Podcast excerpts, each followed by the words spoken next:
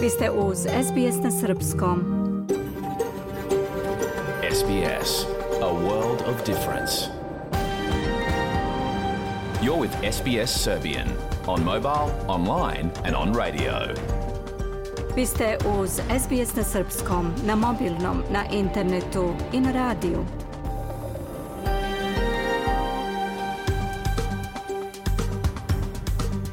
SBS odaje priznanje tradicionalnim vlasnicima zemlje za koje danas emitujemo program na srpskom jeziku. Ovim izražavamo poštovanje prema narodu Ranger i Vojvorang, pripadnicima nacije Kulin i njihovim prošlim i sadašnjim starešinama.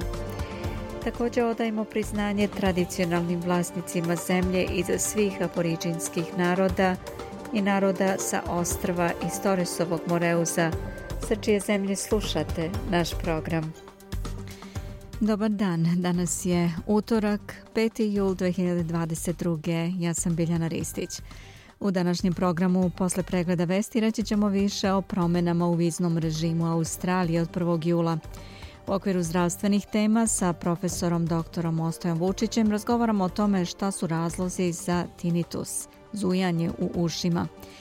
I također osvrt na pokazatelje popisa da su mentalne bolesti najčešće diagnostikovane hronične bolesti u Australiji.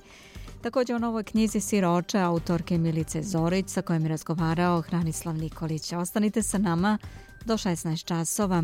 Sledi pregled vesti.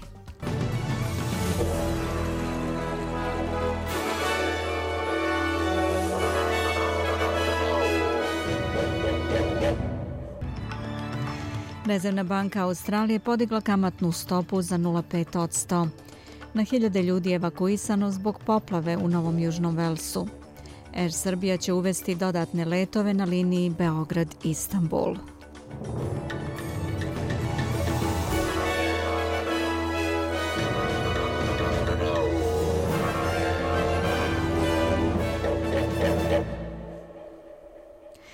Blok vesti iz Australije pripremila je Nataša Kampmark. Nataša, izvoli.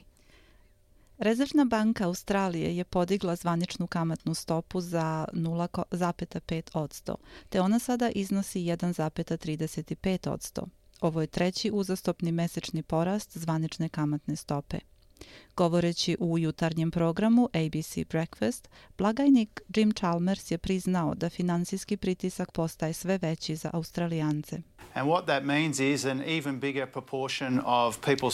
To znači da će još veći deo porodičnog budžeta odlaziti na otplatu kredita, dok porodica pokušava da izdvoji za osnovne životne potrebe. Nažalost, imamo veoma težak splet okolnosti, elementarne nepogode, inflaciju, rastuće kamate.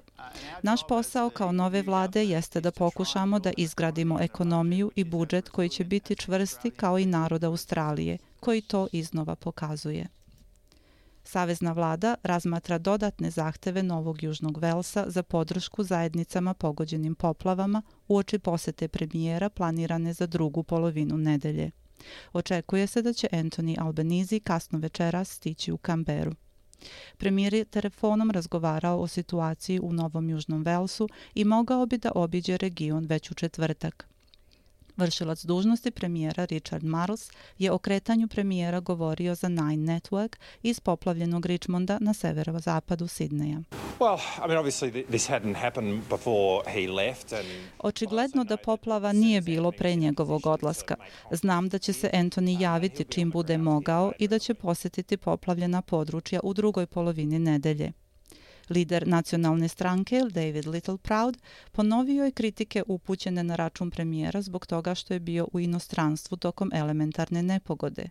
Gospodin Littleproud je istakao da ne pravi direktno poređenje sa boravkom Scotta Morrisona na Havajima tokom šumskih požara. Postoji razlika između toga da li se nalazite u medijskoj blokadi i da li možete podići slušalicu i da li se time izlažete opasnosti. Želimo da budemo fair i pravični u ovome, ali ne možete imati i jare i pare. Odmah su osuli drvlje i kamenje na Scotta Morrisona. Da, tačno je da je bio na odmoru. Oni su tada kritikovali nas, a sada rade isto što i mi, rekao je on, aludirajući na to što Savezna vlada pruža podršku državnoj vladi u borbi za prirodnom nepogodom. Jaka kiša nastavlja da pada u Sidneju i okolini, uzrokujući porast vodostaja reka, zbog čega je na hiljade ljudi moralo da napusti svoje domove. Područje gde vlada vanredna situacija zbog poplava sada se proteže od centralne obale do Ilavare, gde je izdato 97 naloga za evakuaciju i 60 upozorenja koja se odnose na 45.000 ljudi, što je porast sa 32.000 koliko je juče iznosio broj ljudi pogođenih poplavom. Port parol državne službe za vanredne situacije Ashley Sullivan kaže da je situacija i dalje nestabilna. Bila je naporna noć za pripadnike državne službe za vanredne situacije u Novom Južnom Velsu. Bilo je 5300 zahteva za pomoć na koje je služba odgovorila, od čega je bilo 252 poziva za spasavanje od poplava. Pretnja ostaje i danas i sutra. Čak i kad kiša prestane, pretnja od poplave neće proći. Naredbe za evakuaciju uglavnom se odnose na okolinu reka Hawkesbury, Nepian, Georges i Voronara, čiji je vodostaj i dalje u porastu. Velike poplave se nastavljaju u Windsoru, Sakvilu, Richmondu, Severnom Richmondu i Wisemans Ferryu, severozapadno od Sidneja. Biro za meteorologiju upozorio je na potencijalne bujice i jake vetrove uz moguću buru duž obale Huntera i Sidneja. Neke države i teritorije razmatraju donošenje odluke o ponovnom uvođenju obaveznog nošenja maski, dok slučajevi COVID-19 rastu širom zemlje. Nadležni diskutuju o tome koje mere bi se mogle uvesti kako bi se ograničilo njegovo širenje. Premijerka Queenslanda, Anastasija Palošej, kaže da su u toku razgovori o pravilima o nošenju maski u nekim okruženjima. Ministarka zdravlja teritorije glavnog grada Rachel Steven Smith kaže da se ne isključuje predlog o obaveznom nošenju maski. Ova razmatranja dešavaju se dok promene zakona o biološkoj bezbednosti stupaju na snagu u sredu, od kada putnici iz inostranstva više neće morati da prijave da li su vakcinisani da bi ušli u zemlju. Hvala Nataša. Nastavljamo pregled vesti, vestima iz sveta i regiona Balkana. Najmanje šest osoba je ubijeno, 31 je ranjena u pucnjavi tokom parade povodom obeležavanja Dana nezavisnosti Sjedinjenih država u predgrađu Chicago Highland. Saopštili su zvaničnici. Osumnjičen je u bekstvu zbog čega su vlasti apelovele na građane da se sklone na bezbedno, dodaje NBC Chicago.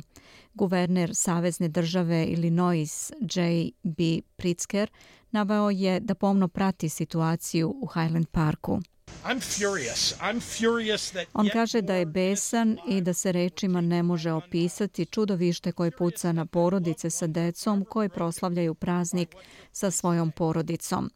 Samo u 2022. od vatrenog oružja stradalo je 20.800 ljudi, uključujući i samoubistva, saopštila je grupa Gun Violence Archive, prenosi glas Amerike. Pucnjava u Highland Parku verovatno će obnoviti i debatu o kontroli oružja u Americi i da li su strožije mere mogle da spreče masovna ubistva koja se često dešavaju u Sjedinjenim američkim državama. Najavom da će vratiti ambasadore u Jerusalim i Varšavu, Izrael i Poljska saglasili su se da poboljšaju uzajamne odnose koji su se pogoršali nakon što su poljske vlasti prošle godine uvele zakon kojim se jevrejima ograničava mogućnost da povrate imovinu oduzetu tokom drugog svetskog rata. Dogovor predstavlja pomak za novog izraelskog premijera Jaira Lipida koji je kao ministar inostranih poslova proglasio antisemitskim i nemoralnim nacrt zakona koji se odnosi na imovinu koju su jevrejima zaplenili nacisti, a koju je zadržala posleratna komunistička vlast Poljske, prenosi Reuters.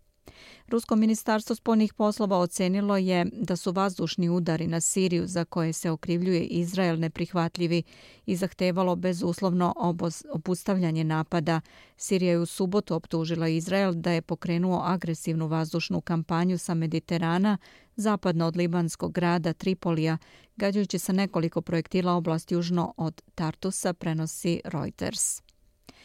Air Srbija, srpski nacionalni avioprevoznik i Turkish Airlines, nacionalna aviokompanija Turske, najavili su dodatno unapređenje komercijalne saradnje novim memorandumom o razumevanju koji je zvanično potpisan u Dohi, saopšteno je iz Air Srbije.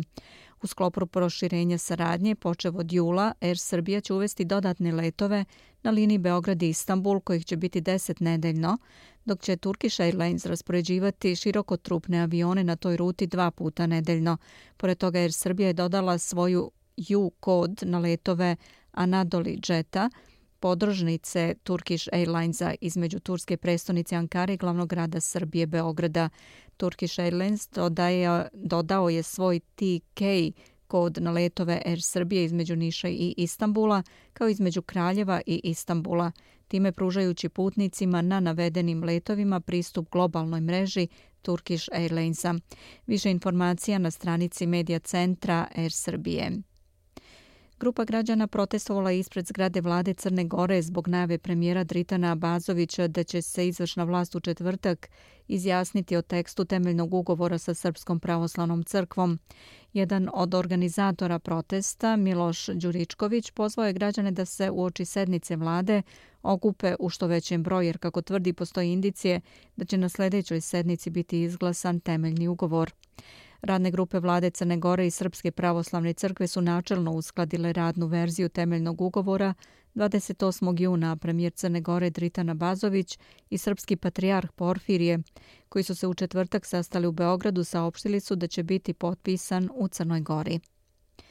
Visoki međunarodni predstavnik u Bosni i Hercegovini Kristijan Schmidt izjavio je da nemačka vlada je zaustavila 120 miliona evra pomoć Republici Srpskoj zbog secesionističkog ponašanja, kako je rekao.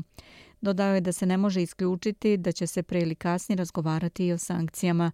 Schmidt je za N1 Bosni i Hercegovini rekao da će nakon odluke Ustavnog suda Bosni i Hercegovine u sredu o tome da li Republika Srpska ima pravo da osniva sobstvenu agenciju za lekove, ta odluka biti sprovedena. Da pogledamo i kolika je vrednost australijskog dolara danas. Prema američkom vredi 69 američkih centi. Vredi 66 euro centi, 57 britanskih penija i 77 srpskih dinara 50 para. Ukratko iz sporta, košarkaši Srbije drugu fazu kvalifikacija za Mundo Basket 2023. završili su šokantnim porazom od Belgije u Nišu 74-73. Orlovi su ispustili 11 pojena prednosti u posljednjoj deonici i dozvolili rivalu da dođe do velikog preokreta. Tenis, Rafael Nadal, posljednji je četvrt finalista Wimbledona, pošto je u tri seta ubedljivo savladao Botika Van de Zandušpla. Protivnik Špancu u borbi za polufinale biće Amerikanac Taylor Fritz. Christian Garin plasirao se u četvrt finale pošto je savladao Australijanca Demi Nora 3-2 u setovima. Čileanac će se za polufinale turnira u Londonu boriti protiv Nika Kiriosa, također Australijanca. U ženskoj konkurenciji turnira plasmane među osam najboljih teniserki izborile Ribakina, Tomljanović, Halep i Anisimova. Novak Đoković večeras po australijanskom vremenu nastavlja odbranu titule u Wimbledonu duelom za polufinale sa Janikom Sinerom, trenutno 13. igračem na ATP listi. Jelena Janković ponovo je na terenu. Ona će učestovati na turniru Legendi koji će se održati u Londonu tokom Wimbledona, preneli su britanski mediji. I na kraju ovog bloka da pogledamo i vremensku prognozu. U Pertu pljuskovi sa 17 stepeni, Adelaide pretežno sunčano vreme 15. U Melbourneu mestimično oblačno, mada stabilno i sunčano, rekla bih, gledajući iz studija, 15 stepeni. Slično je u Hobartu sa 15, mestimično oblačno u Kamberi sa 13. Sidney kiša, smanjen intenzitet vetra 18 stepeni. Pljuskovi u Brisbaneu 16, Darwin sunčano 27. Beograd i danas do 36 stepeni moguće su nepogode.